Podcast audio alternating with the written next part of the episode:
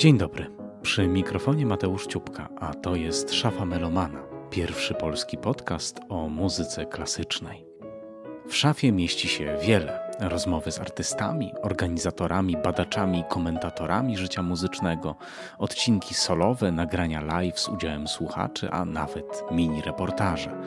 Wspólnym mianownikiem dla tego wszystkiego jest muzyka, bo zajmuje się nią nie tylko z zamiłowania do sztuki dźwięku, ale także zawodowo. Pracuje w redakcji ruchu muzycznego, najstarszego polskiego magazynu o klasyce. Wszystkie odcinki podcastu znajdziecie na stronie szafamelomana.pl, na Spotify i innych popularnych platformach podcastowych. Jestem także na Facebooku i Instagramie. Wszędzie tam czekam na opinie, propozycje, komentarze. Można także śmiało korzystać z maila mateusz.ciupka małpa szafamelomana.pl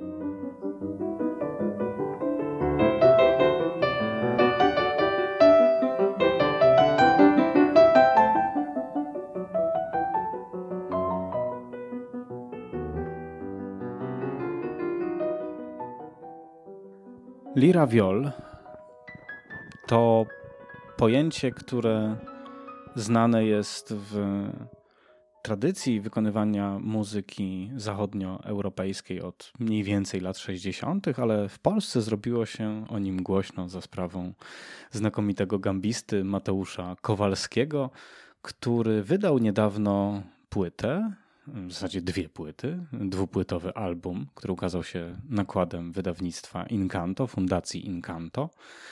Mm, a także napisał artykuł dla ruchu muzycznego. Po przesłuchaniu tej płyty i po przeczytaniu tego artykułu bardzo poczułem się tematem zaintrygowany. Bardzo to wszystko jest interesujące, więc nie dziwi obecność mojego dzisiejszego gościa, którym właśnie jest Mateusz Kowalski. Witam cię. Dzień dobry, witaj Mateusz. Lira Viol. Y, gdy wpisałem to w Wikipedię, to Wikipedia zaczęła do mnie mówić, że to jest instrument. A to nie jest wyłącznie instrument. Co to jest lira viol? W jaki sposób łączy się z muzyką gambową? Jak należy to pojęcie rozumieć? To pojęcie jest dosyć szerokim pojęciem, bo z jednej strony, tak jak mówisz, Wikipedia e, stwierdziła, że jest to instrument i to też jest prawda poniekąd, natomiast bardziej mm, to pojęcie odwołuje się do pewnej tradycji w ramach tej tradycji był taki specyficzny instrument, spe, specyficzna odmiana violi de gamba, y, lira viol. Natomiast bardziej chodzi tutaj o sposób gry na samej violi i repertuar, który, który powstawał właśnie w ramach, w, w ramach tej tradycji lira viol. Ja bardziej z angielska y, to wymawiam, chociaż może powinniśmy to zacząć już spalszczać, skoro udało się wprowadzić ten termin do, mm, do, do języka polskiego. Y, Generalnie są trzy mm, takie wyróżniki tej muzyki, która powstawała, tej tradycji. Pierwszym z nich to jest y, obecność skordatury, czyli modyfikacji podstawowego stroju instrumentu. Akurat w tym względzie y, Lira Weil jest, jest zupełnie y, niesamowitym instrumentem i zjawiskiem, bo zidentyfikowano w całym repertuarze zachowanym aż 59 możliwości przestrojenia instrumentu. Więc w zasadzie żaden inny, inny instrument z tego czasu, czy lutnie, czy skrzypce, które były przystrojane, no, nie znalazł tak wielkiej e, ilości różnych możliwości przestrojenia. To jest jedna rzecz. Druga cecha... Zresztą tak nazwałeś, tak. Zatytułowałeś artykuł tak. dla ruchu muzycznego 50, Lira Viol, czyli 59, 59 odcieni, odcieni tak. Tak. Drugi, druga cecha charakterystyczna mm, to jest zapis, którego używamy żeby zanotować tą muzykę Lira Weil, to jest tabulatura, tabulatura francuska, która kojarzy się głównie z lutnią renesansową czy potem barokową. Właśnie od lutni ten zapis gamba przejęła i tylko dzięki temu sposobowi możemy się poruszać w tym ogromie skordatur, bo nie trzeba wtedy każdorazowo uczyć się nowej aplikatury instrumentu. Wiemy, tabulatura pokazuje nam miejsce na podstrunnicy, gdzie musimy nacisnąć e, strunę, żeby uzyskać wymagany, wymagany dźwięk. I trzecia cecha, cecha charakterystyczna to jest próba komponowania takich utworów, które miały imitować polifonię, to znaczy akordy, dwudźwięki. To też jest y, na, troszkę na wzór y, muzyki lutniowej tego czasu. Wiadomo, na lutni gra się palcami, więc jest to dużo łatwiejsze, żeby uzyskać rzeczywistą polifonię, prowadzenie dwóch czy trzech głosów. Natomiast tutaj w sytuacji, kiedy mamy smyczek, jeden smyczek, który porusza się i skacze pomiędzy strunami. Bardziej jest to sposób sugerowania tej polifonii przez to, że przytrzymujemy dźwięki niżej brzmiące i na to nakładają się powiedzmy dźwięki wyżej brzmiące i wtedy tworzy się taka tkanka quasi polifoniczna. E, myślę, że jeżeli słuchają nas ci, którzy nie siedzą bardzo w muzyce dawnej, to w pierwszej kolejności oczywiście Viola da Gamba kojarzy im się z e, filmem Wszystkie Poranki Świata, prawda? Kojarzy im tak się jest. z Marinem Mare, Panem de Saint-Colombe i mm, jakby to jest też repertuar, który powiedzmy domyślnie jest grany na violi da gamba na wielu koncertach i festiwalach tak, to jest związanych z muzyką mhm. dawną. Gdybyśmy mieli tę praktykę umiejscowić w czasie, to ona byłaby przed y, tak, czasem tak, popularności Zdecydowanie tak. Y, w zasadzie... I geograficznie w innym miejscu. Geograficznie w innym miejscu, bo głównie chodzi o Anglię tutaj. Tam narodziła się ta praktyka pod koniec wieku XVI. Do końca nie wiemy, natomiast y, najwcześniejszy utwór, który mnie się udało znaleźć, y, jest datowany, zbiór, w którym się znajduje, jest datowany na około 1595. Tak, 1595. Natomiast y, z wcześniejszych lat y, pochodzą jakieś wzmianki literackie. Jest, y, pamiętam, że jest coś takiego właśnie o, o lirze, która brzmiała, wydawała jakieś tam piękne dźwięki, czy śpiewała wręcz. Więc prawdopodobnie w związku z tym, że już w 1601 roku ukazuje się druk, w którym gamba ma w pełni ukształtowany akompaniament dla pieśni, no można przypuszczać, że odpowiednio wcześniej zaczął się kształtować ten styl wykonawczy, być może w latach 70. tego wieku, y, być może nawet trochę wcześniej. No gdybyśmy mieli to właśnie geograficznie umiejscowić, to oczywiście film, o którym tutaj mówię yy, i który tak się wbił tak w pamięć yy, i tak się związał na, na, na stałe i wypromował też Viola Gamba w dużym stopniu, no kojarzy się z Francją, prawda? Tak, e, tak. Jaki to był, że tak powiem, kierunek przepływu? Gdzie szły te inspiracje? Z Włoch Gamba, y, Gamba narodziła się w ogóle we, we, tak we Włoszech y, na przełomie XV-XVI wieku. To wiemy, to jest potwierdzone i wiadomo też, że wielu włoskich muzyków od początku wieku XVI wyjeżdżało z Włoch, szukając szczęścia na innych europejskich dworach. Zresztą w Polsce mamy świetny też przykład krakowski, potem warszawski. Również trafili oni na dwór y, w Londynie i tam gamba trafiła. Trafili też muzycy włoscy, którzy, którzy już w swoim, e, w swoim kraju zaczęli eksperymentować z wykonywaniem muzyki polifonicznej na, na wiolach. Są zachowane przykłady z tego czasu. Natomiast w Anglii, gdzie była tak pięknie ugruntowana tradycja muzyki lutniowej, wiemy te wszystkie nazwiska, Dowland zwłaszcza, y, muzycy zdali sobie z tego sprawę, że na gambie też tak można, bo to są de facto po, pokrewne instrumenty. W zasadzie strój wioli e, renesans, e, wioli tenorowej jest dokładnie pokrywa się ze strojem lutni renesansowej. Nawet co do wysokości dźwięków i rozkładu, rozkładu interwałów pomiędzy pustymi strunami. Więc było to dosyć oczywiste skojarzenie, zwłaszcza, że wielu z tych muzyków grało zarówno na, na lutniach, jak i na wiolach, więc zaczęli po prostu przekładać tą tradycję grania polifonicznego z, z lutni na, na wiole i tak to, się, tak to się zaczęło właśnie w Anglii. Tak się zastanawiam, czy biorąc pod uwagę to, co mówisz, że mm, te instrumenty były tak do siebie zbliżone, czy czasem nie mamy takiego muzykologicznego problemu w określeniu, czy dany zapis dotyczy lutni czy gamby? Y, to i był problem, y, bo Y, rzeczywiście w, w XX wieku, kiedy zaczęto się interesować tym tematem, bardzo wiele źródeł Lira Weil, jak się później okazało, było klasyfikowanych jako, jako utwory lutniowe, bo zapis jest dokładnie y, ten sam. Tam w zasadzie można się zorientować po dwóch takich wyróżnikach. Czy to może być na, na wiole, na Lira Weil, czy na, czy na lutnie. I tak jeszcze do tej pory się okazuje, że niektóre źródła Mm, które były uważane za lutniowe, okazują się być jednak źródłami na Lira Weil.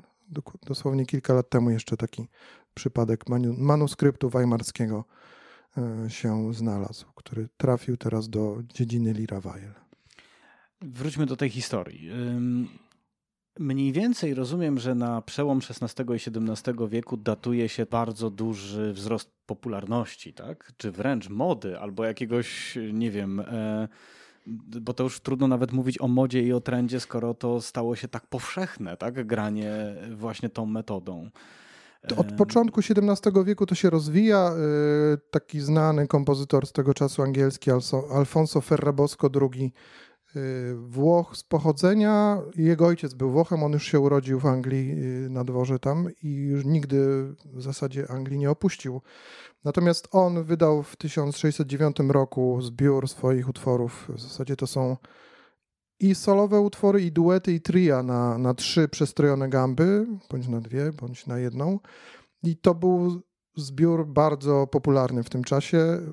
W zasadzie kolejni kompozytorzy wzorowali się na tym, co, czego dokonał Ferrabosco, który w swoim czasie był najważniejszą postacią na angielskim dworze. Jeśli chodzi o muzykę, piastował cztery niezależne stanowiska na dworze, każde osobno płatne, ale potem, jak się okazało, pod koniec życia zainwestował nie tam, gdzie trzeba i tak chyba skończył niezbyt bogatym człowiekiem będąc. Y, tak się zastanawiam. Myślę sobie, że jeżeli ty musiałeś, aby nagrać tę płytę, przestroić gambę 59 razy. Nie, jest aż to... tyle nie. 59 jest możliwości. Na płycie jest 30 różnych strojów. Okej, okay, to jest i tak Utwory. dużo. Do, do, dobra, no, to połowa, jest i tak udało dużo. Mi się połowę, nawet, nawet jeżeli przesadziłem, to to i tak nie zmienia obrazu sytuacji, że jest to dość trudne i dość skomplikowane. Um, ja pamiętam zresztą, jak, e, jakie wrażenie na słuchaczach robił e, Robert Bachara, który e, podczas koncertu wykonując sonaty misteryjne mhm. Bibera miał cztery tam chyba, czy pięć instrumentów, po które sięgał, no bo po prostu to jest oczywiste, że nie będzie przestrajał tego w trakcie koncertu, tak tylko miał cztery już, czy, czy, czy pięć tak. przygotowanych instrumentów i tak dalej. Ty musiałeś wielokrotnie to przestroić. Tak się zastanawiam, jak y, jakim cudem tak skomplikowana metoda stała się tak popularna, że piszesz w swoim artykule o tym, że nawet mieszczanie, kamerdynerzy grali... Wyplatacze koszy. To Wyplatacze mi się koszy. najbardziej ten John Gotheridge podoba, który, który miał, jak się okazało, pewnie w testamencie zapisane albo po prostu w dobytku, spisie dobytku po śmierci dwie wiole sopranowej i basową. No to była rozrywka dla ludzi. Po prostu rozrywka tego czasu, tak jak my mamy dzisiaj swoje rozrywki, tak wtedy ludzie w Anglii zwłaszcza mieli instrumenty i na nich, na nich grali. A ta popularność y, Violi da Gamba była bardzo duża. W zasadzie chyba najbardziej popularny instrument wśród y, społeczeństwa Anglii połowy XVII wieku, co poświadczają pewne badania, artykuły. Mm, zresztą była taka tradycja też y, konsortów dziecięcych, którzy, które grały i śpiewały e, tą muzykę, bo to myślę, że warto wspomnieć, w artykule o tym nie piszę, ale to jest jeden z powodów, dlaczego ta gamba była tak w Anglii, w tym społeczeństwie popularna. Mm, Anglicy uznali, że w edukacji muzycznej e, chłopców, którzy śpiewali w tych wszystkich chórach słynnych katedralnych angielskich, tradycja, która do tej pory trwa, właśnie viola da gamba jest świetnym instrumentem którego można użyć e, w celach edukacyjnych. I ci wszyscy młodzi chórzyści śpiewali, śpiewali, grali na gambach, ale potem głos im się e, zmieniał, więc e, wszyscy chłopcy sopraniści, niektórzy potem zostawali już z męskimi głosami, ale, ale bardzo dużo takich chórzystów wychodziło z chórów i umieli grać na wiolach. I to szło potem w społeczeństwo. Oni, jeśli byli na tyle dobrzy, byli potem zatrudniani jako nauczyciele, e, czy śpiewu, czy właśnie wioli, e, wioli da gamba. Stąd taka popularność. A oprócz tego e, wpływało na to, wpływał na to fakt, że ten instrument zadomowił się też na dworze. I królowa Anna Duńska grała na lira weil. To jest potwierdzone, zachowały się w księgach, różnych dokumentach królewskich jakieś rachunki, które mówią o tym, że że, zapłacili tam ileś funtów za naprawę liry jej królewskiej mości i jej dwóch synów, mm, z których Karol został potem królem, też grało na gambach. Lord, Lord Robert Cecil, czy jeszcze mm, ważna postać na dworze królowej, królowej Elżbiety. Też o nim piszą, że grał na tej Lira Weil, czy na, na gambie. No bo w zasadzie Lira Weil to jest, to jest gamba, może trochę mniejsza, może czasem posiadała, mogła posiadać dodatkowy zestaw strun rezonansowych, który jeszcze miał wzmagać brzmienie i rezonans tego instrumentu. Ale no, użycie gamby i granie na gambie było rzeczywiście czymś bardzo, bardzo powszechnym w tym czasie. A Lira Weil, ta praktyka, moda na przestrajanie, zabawa po prostu. Każdy, każdy szanujący się gambista w tym czasie chciał wymyślić swoją własną skordaturę autorską. Niektórzy nawet używali tego jako haczyka, żeby przyciągnąć, przyciągnąć uczniów i studentów do siebie. Wiadomo, z, ze względów finansowych mogło im to przysporzyć czegoś dobrego. No tak, no bo to nie jest sztuka dla sztuki, prawda? Ten instrument używasz właśnie w tytule swojego artykułu określenie odcienień, bo to przestrajanie powoduje, że instrument zaczyna brzmieć inaczej. Tak, tak, bo zmieniają się, zmieniają się rozkład, zmienia się rozkład interwałów pomiędzy strunami i, i na przykład więcej kwint, jak się pojawia, kwint i oktaw, to zdecydowanie rezonans instrumentu się wydłuża. Y, jest pełniejszy i dłużej struny puste potrafią wybrzmiewać. Ja też nagrywając tą płytę, która jest, y, była moim doktoratem na Akademii Muzycznej w Krakowie, chciałem właśnie porównać y, te różne stroje na jednym instrumencie, dlatego nie używałem różnych instrumentów, tylko przestrajałem ten jeden instrument, bo byłem ciekawy, na ile, na ile to zmienia brzmienie tego instrumentu. I rzeczywiście takie skrajne przykłady skordatur bardzo zmieniają e, brzmienie, natomiast mm, jeśli chodzi o takie mniejsze y, modyfikacje stroju, to trudno się domyśleć, trudno by było się domyśleć, nie wiedząc, że jest przestrojony, że to, że to jest przestrojony instrument. Może wybierzemy w takim razie taki e, przykład tak. zestawienia, tak? Takiego mhm. zestawienia e, dwóch, e, powiedzmy, mm, utworów, które pokazują nam te różnice. Dobrze, to myślę, że moglibyśmy zaprezentować preludium Johna Jenkinsa. To jest krótkie, e, krótki bardzo utwór, ale w którym e, niższe struny gamby są znacznie przestrojone wyżej. I ten instrument słychać, że jest taki bardziej napięty jakby brzmienie. I możemy to porównać e, na przykład z utworem, patrzę tutaj, Williama Corkaina Pawana. To trochę dłuższy, dłuższy fragment, ale z kolei to jest kompozycja, która wykorzystuje głównie kwarty i kwinty, czyli takie brzmienia może bardziej mm, modalne mm, wręcz można powiedzieć. Y, I tutaj rzeczywiście te struny najniższe są znacznie przystrojone w dół, więc to brzmienie i skala instrumentu się poszerza. Zatem zaczynamy od Jenkinsa.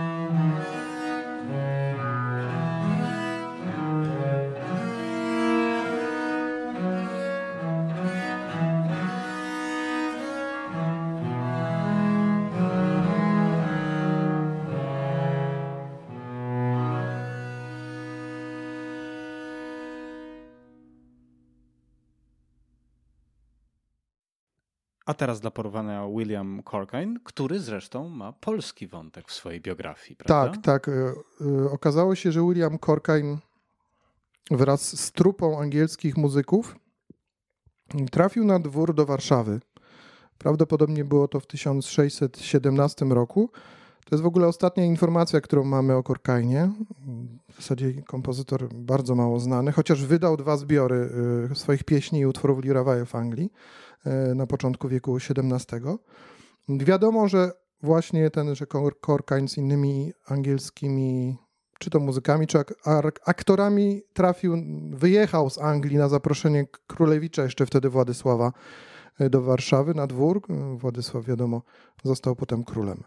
Ale w tym momencie informacje na temat Korkaina się urywają, więc być może znaczy, no, liczymy na to, że, że jednak do, znajdzie, tak, być może, ale że dotarł, dotarł na, tej, na ten dwór, bo bo są informacje o tych, o tych grupach angielskich e, aktorów, że, że podróżowały właśnie między Gdańskiem a Warszawą, gdzieś tam, gdzieś tam jeszcze. No i wśród nich był Korkain. Więc na pewno e, te utwory i te edycje trafiły również do Polski, bo nie wyobrażam sobie, żeby on ich nie zabrał ze sobą. To jednak była duma dla muzyka wydać swój zbiór w tym czasie, więc na pewno coś tam w, w Warszawie było grane z tej jego muzyki. No to słuchamy.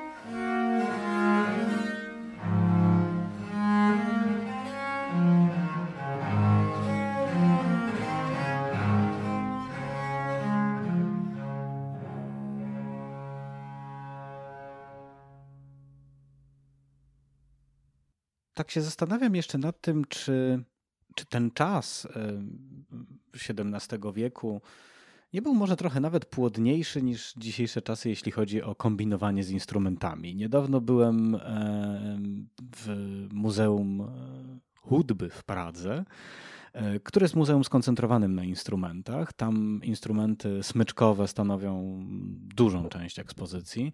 Niesamowitą ilość rozmaitych wiol tam widziałem. E, właśnie z zagadnieniem e, lira wiol kojarzy mi się cały zestaw instrumentów, które posiadają właśnie te struny rezonansowe znajdujące się poniżej, które dają ten efekt brzmieniowy. Mam wrażenie, że to, że ten instrument był tak popularny i służył, jak mówisz, rozrywce, no po prostu wypełniał długie godziny, które ludzie spędzali też w domu ze sobą wspólnie i tak dalej. E, służył rozerwaniu się i, i przyjemności. E, skutkował także rozmaitymi kombinacjami, próbami poszukiwań rozmiarów, rodzajów, prawda, i tak dalej. Wiole w ogóle były takimi instrumentami mało ustandaryzowanymi nie wiem, czy to jest dobre słowo popra poprawne, czy nie, ale chyba wiadomo o co chodzi.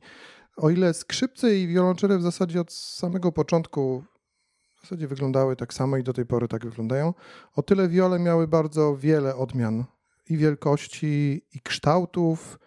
Y, jakoś ludzie eksperymentowali.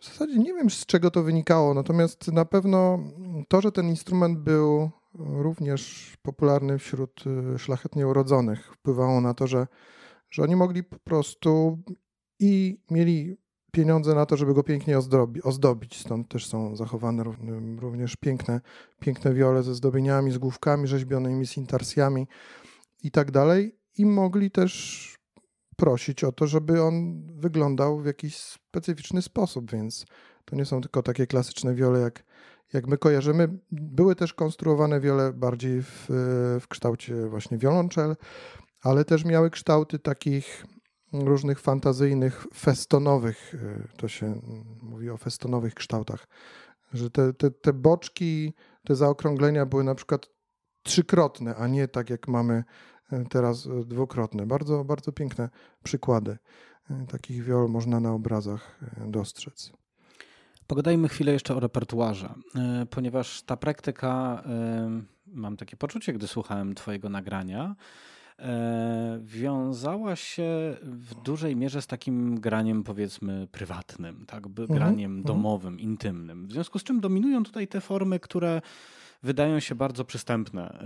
To są krótsze formy, to są tak. formy taneczne, to są rozmaite fantazje, a zatem i formy swobodne. Jakby jak co ty zauważyłeś, szukając tego materiału, przeszukując te rękopisy i tak mhm. dalej? Co się dzieje w tym repertuarze interesującego? Ja myślę, że nie można stwierdzić, że to jest jakoś e, repertuar, który odbiega od, od tego, co wtedy po prostu e, grywali, bo jak spojrzymy na repertuar wirginalistów e, angielskich tego czasu, to się czas pokrywa się też z Lira początek wieku XVII, to formy są podobne. Formy taneczne, mm, krótkie, pieśni, też opracowania pieśni popularnych w tym czasie. Na pewno w tym, w tym, w tym repertuarze są często, często spotykane, więc on, jeśli chodzi o same formy, nie wyróżnia się. Na pewno też jest wiele takich utworów, które można nazwać programowymi, ale to też w muzyce lutniowej tego czasu istnieje i klawesynowej. Ale w, w tym repertuarze Lira Weil rzeczywiście jest, jest sporo i na płycie też kilka takich przykładów, e, przykładów się znajduje. Mamy coś ilustracyjnego? Mamy ten przykład e, utwór e, The Boatman, czyli no, powinniśmy powiedzieć, że to jest wioślarz, chociaż to bardziej chodzi o Chodzi o tego człowieka, który łodzią, łodzią przewoził ludzi i towary na Tamizie w Anglii. Nazwalibyśmy go gondolierem, gdyby nie gdyby Tamiza. Nie, gdyby nie Tamiza, właśnie. I zaraz potem możemy y, dołączyć utwór I have been a piper, czyli jestem dudziarzem. Mhm. To takie charakterystyczne, bardziej szkockie. Natomiast to, te, te utwory, które kończą, kończą płytę, y, są o tyle ciekawe, że żeby uzyskać ten strój, musimy zmienić kolejność strun. Musimy zamienić strunę czwartą z piątą, żeby uzyskać interwał oktawy. To jest zabieg, który stosuje również Bieber, skoro wspominaliśmy sonaty misteryjne w jednej z sonat, żeby, żeby też krzyżuje tam struny, żeby uzyskać odpowiedni interwał. Warto wspomnieć, o czym nie wszyscy mówią, że Bieber też był gambistą. Jego, No jego pierwszy opus to były sonaty gambowe, więc on, on znał skordatury i osobiście uważam, że właśnie to Lira Weil była inspiracją do powstania tych wszystkich skordatur w sonatach misteryjnych. Muszę cię jeszcze spytać o jedno. E, jaką trudność dla ciebie jako wykonawcy y, powoduje ta zamiana strun? Czy to, to całkowicie jakoś zmienia zachowanie lewej ręki, powoduje, że musisz Nie. się przedstawić i tak dalej? Nie, nie, nie to skoro jest, mamy tabulaturę, która pokazuje nam, gdzie, gdzie mamy nacisnąć. nacisnąć, to w zasadzie nie ma większego znaczenia.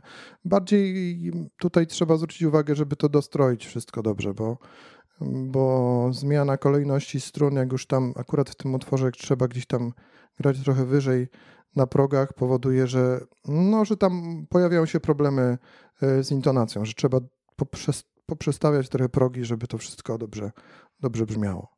A zatem słuchamy najpierw e, angielski gondolier, a Tak później dudziarz. Dudziarz.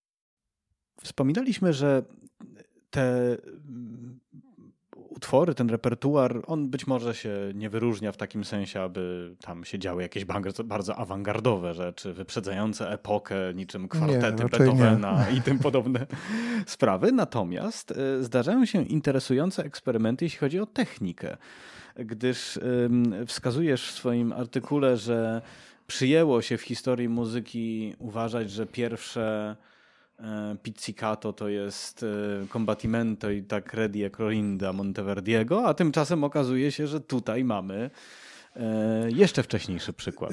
Tak, ja nawet, nawet nie wiem, czy tam, tak, w to combatimento jest tam zapisane, to w, w, czy to bardziej chodzi o, o ten styl concitato, takiego roz, rozbijania.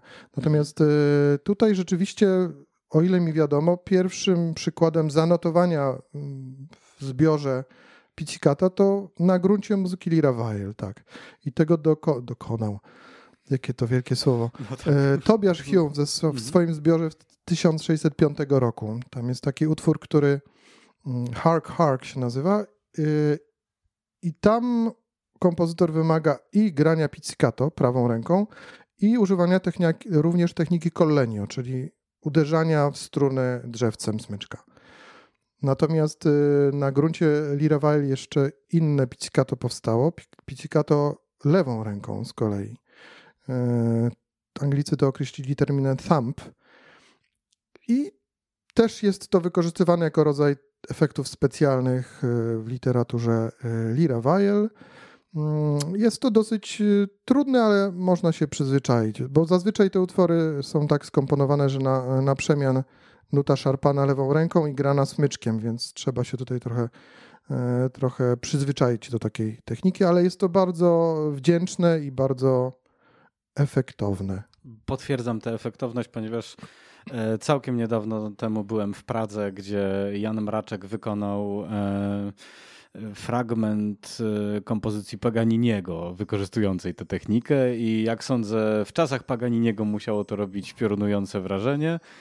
E, I takie samo zrobiło. Na publiczności XXI Mhm. wieku ludzie byli zdumieni, jak to jest, że lewa ręka na, na gryfie wykonuje pizzicato i jednocześnie prawa gra smyczkiem. Tak, tak, tak, tak. To właśnie Liravel być może, no nie ma przykładów y, wcześniejszych niż, niż ten, o którym, o którym wspomniałem. Tak, tutaj mamy właśnie e, źródła tego. No tak, ale mm, wszystko bardzo pięknie y, y, się toczyło tylko do pewnego momentu, ponieważ e, odezwali się mistrzowie psu i zabawy, czyli teoretycy, którzy zaczęli narzekać na to, że te 59 e, strojów to jest za dużo, w ogóle mamy bałagan i wszystko nie tak. I popularność tej mody, czy moda y, i popularność tej techniki zaczęły powoli przemijać.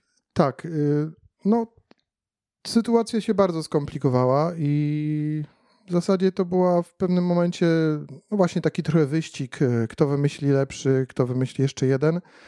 Dlatego zaczęto w końcu krytykować te nowe powstające stroje i głównym takim orędownikiem zaprzestania już eksperymentu był Tomasz Mays, który napisał duży traktat, głównie poświęcony lutni, ale on- w nim twierdzi, że wszystkie już możliwości zostały najlepsze wymyślone i już warto e, zaprzestać z kombinowaniem i z szukaniem e, nowych, nowych skordatur E, i rzeczywiście ludzie zaczęli ograniczać utwory i kompozycje do tych najbardziej popularnych w drugiej połowie wieku XVII. Powoli zaczęła ta, ta praktyka odchodzić, ale to też szło w parze ogólnie z, z wychodzeniem z mody gamb jako takich, instrum- instrumentów z rodziny, z rodziny gamb. W zasadzie pod koniec wieku XVII mm, gamba już na dworze królewskim rzadko była spotykana. Bardziej już w domach mieszczańskich i prywatnych. A potem wiek XVIII, początek zupełnie praktycznie znika aż do, aż do momentu, kiedy Abel przyjeżdża do Londynu, wirtuos gamby i wtedy na nowo gamba wraca do łask, y, ale to już nie jest y, technika Liravel, tylko muzyka już w zasadzie preklasyczna. No tak, e, ty piszesz o tym, że mm, ta edycja Playforda z 1682 roku już jest tylko w dwóch strojach. Tak, prawda? tam już są tylko dwa stroje U ujęte. progu baroku w zasadzie mamy już powoli odejście od tego, od tej, e, od tej techniki. A myślę sobie tak, że trochę to tak z gambami musiało być jak z klawesynami, prawda? Które owszem e, zniknęły zupełnie z e, praktyki koncertowej w XIX wieku, ale się przechowały często w wielu domach i salonach, Tak, prawda? tak, jako tak, tak, instrument, który właśnie. po prostu był i na którym można było coś zagrać. No właśnie to od, odkrycia, zresztą w sumie z Polski, odkrycia z Poznania tych y, milickich manuskryptów i, i muzykaliów y, pokazują, że, że te gamby jeszcze y, właśnie w Miliczu, wtedy to oczywiście była, była część Niemiec, y, do połowy wieku XIX były używane tam na dworze, że, że tamtejsi książęta hołdowali temu instrumentowi i mieli swoich kompozytorów, no takich nadwornych, nazwijmy ich, którzy pisali ciągle te utwory już w zasadzie w stylu romantycznym nawet dla nich, dla tych wysoko urodzonych, którzy grali jeszcze na gambach. Więc takie odkrycia ciągle, ciągle się pojawiają. Zaskakujące, że jednak ta gamba tak do końca, do końca nie, nie umarła przez ten cały czas, aż do, aż do połowy wieku XX, kiedy nastąpił ten rozkwit i powrót do muzyki dawnej. No właśnie, jeśli jesteśmy przy Raviol, yy, niejaki Frank Traficante pisze pracę doktorską. Tak, 1965 rok, o ile się nie tak mylę. Jest. O Mansell Liraviol Manuscript. Tak, opisuje jeden z takich głównych manuskryptów, ten właśnie, który wymieniłeś. I od tego momentu rozpoczyna badania. W zasadzie przez 30 lat jeździł po świecie. Głównie kwerendy prowadził w, w bibliotekach w Europie. Odkrywał te manuskrypty, opisywał, pisał artykuły edycję tej, tej muzyki przygotowywał. On jeszcze żyje, z tego co wiem, bo jestem w kontakcie e, internetowym z różnymi. On był Amerykaninem i jest w Stanach gdzieś, natomiast już jest starszym człowiekiem i wiem, że cały swój e, zasób mikrofilmów i różnych dokumentów przekazał komuś innemu. I teraz kto inny prowadzi to jego dzieło. On miał e, uczniów, też do nich między innymi należał Karl, Karl Hermann, Sprawą zainteresowali się też e, Martha Bishop, Peter Adams, e, który zresztą ten ostatni przygotował edycję jakichś dawnych rękopisów, 100 lekcji gry. Tak, no tak właśnie on, on dużo, dużo robi, Peter Adams. On w sumie opisał ten manuskrypt weimarski, o którym wspominaliśmy, że to jest nie lutniowy, tylko, tylko, e, tylko na Lira Weill. E, I mam takie wrażenie, że właśnie mm, gdzieś to zaczęło właśnie powracać, ale jest pewien kłopot, e, o którym piszesz. To znaczy, mm, i o którym też mówiłeś, czyli to nie jest łatwe, aby to zrobić na koncercie. Bo tak jak gadaliśmy o, o Robercie Wacharze, tak, on tak. ma możliwość mhm. pięć skrzypiec przetransportować, to nie ma żadnego problemu. Tak, ale pięć, pięć gam, dużych basowych to, to już jest problematyczne. Yy, natomiast nie jest to niemożliwe. Ja mm, przygotowałem taki re repertuar, recital yy, z jednym instrumentem, gdzie wychodzę od tego podstawowego stroju gamby i przestrajam na, na żywo ten instrument bodajże trzy albo cztery razy. Wiadomo, że jest to ryzykowne, bo mm, struny potrzebują trochę czasu, żeby się zaadaptować do nowego, do nowego napięcia po zmianie, po zmianie wysokości. Natomiast ja ten czas wtedy wykorzystuję, żeby opowiadać ludziom o tych utworach i o tradycji Lira Weil, więc powiedzmy, że, że jest czas, w którym struny mogą się przyzwyczaić do nowego napięcia. Podstrajam jeszcze raz i rzeczywiście udaje się wtedy zaprezentować y, na żywo i przestrajanie instrumentu i kilka takich podstawowych, najważniejszych strojów, które występowały w tym repertuarze, występują w repertuarze Lira Weil, więc nie jest to niemożliwe. No, napięcie strun może się obniża, ale napięcie wykonawcy się podwyższa, dlatego że w momencie przerwy i oddechu pomiędzy utworem, kiedy powinieneś przynajmniej chwilę się zluzować, to właśnie bierzesz sobie aż dwa zadania na głowę, czyli musisz i przestroić, i jeszcze mówić. No tak, ale ja to lubię. E, lubię opowiadać. Zawsze mnie interesowało też historia jako taka, więc lubię też opowiadać ludziom o tym.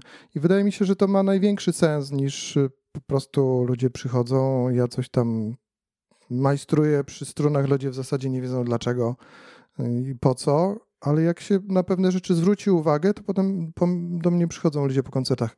Rzeczywiście to zupełnie inaczej brzmiało, jak tak pan przystroił tutaj coś tamten. No niesamowite. Myślę sobie też, że właśnie nie ma się co dziwić yy, współczesnej publiczności, która, której uwaga jest rozproszona na bardzo wiele różnych rzeczy i czasem właśnie to, co jest... Yy, zmianą o wiele bardziej subtelną, a która pewnie dla XVII-wiecznego odbiorcy była czymś wielkim, tak. widocznym od razu na pierwszy rzut oka, dzisiaj dla współczesnego odbiorcy jest zbyt mało e, jaskrawa, tak? tak zbyt tak, mało tak, tak. wyrazista. No właśnie na tym chyba ta muzyka dawna też pewnym spo, pewien sposób polega, że to były niuanse, e, które w, dla tych ludzi, którzy żyli w tak, no, w, jednak w, w środowisku bardziej wyciszonym i nie tak krzykliwym, jak, jak dzisiaj z każdej strony nas atakuje jakaś muzyka, czy, czy jakieś dźwięki, obrazy. Tak, tapety dźwiękowe tak, wszechobecne w tak. sklepach i tak No i też to, co widzimy, reklamy, światła, to, to całe, całe nasze życie tak teraz wygląda. Oni tego nie mieli. Oni mogli sobie właśnie usiąść w spokoju, y, pokręcić tymi kołkami i posłuchać, że to jest tak trochę inaczej brzmi, to może warto. zapisać taką, taką skordaturę, a może tutaj jeszcze coś przestroję i zobaczymy, jak to będzie brzmiało. E, dzięki Twojej płycie, dzięki temu nagraniu można się trochę przenieść do tego świata w moim poczuciu, bo przesłuchiwanie tej płyty daje mi ogromną taką radość intymnego obcowania właśnie z muzyką, bo to nie jest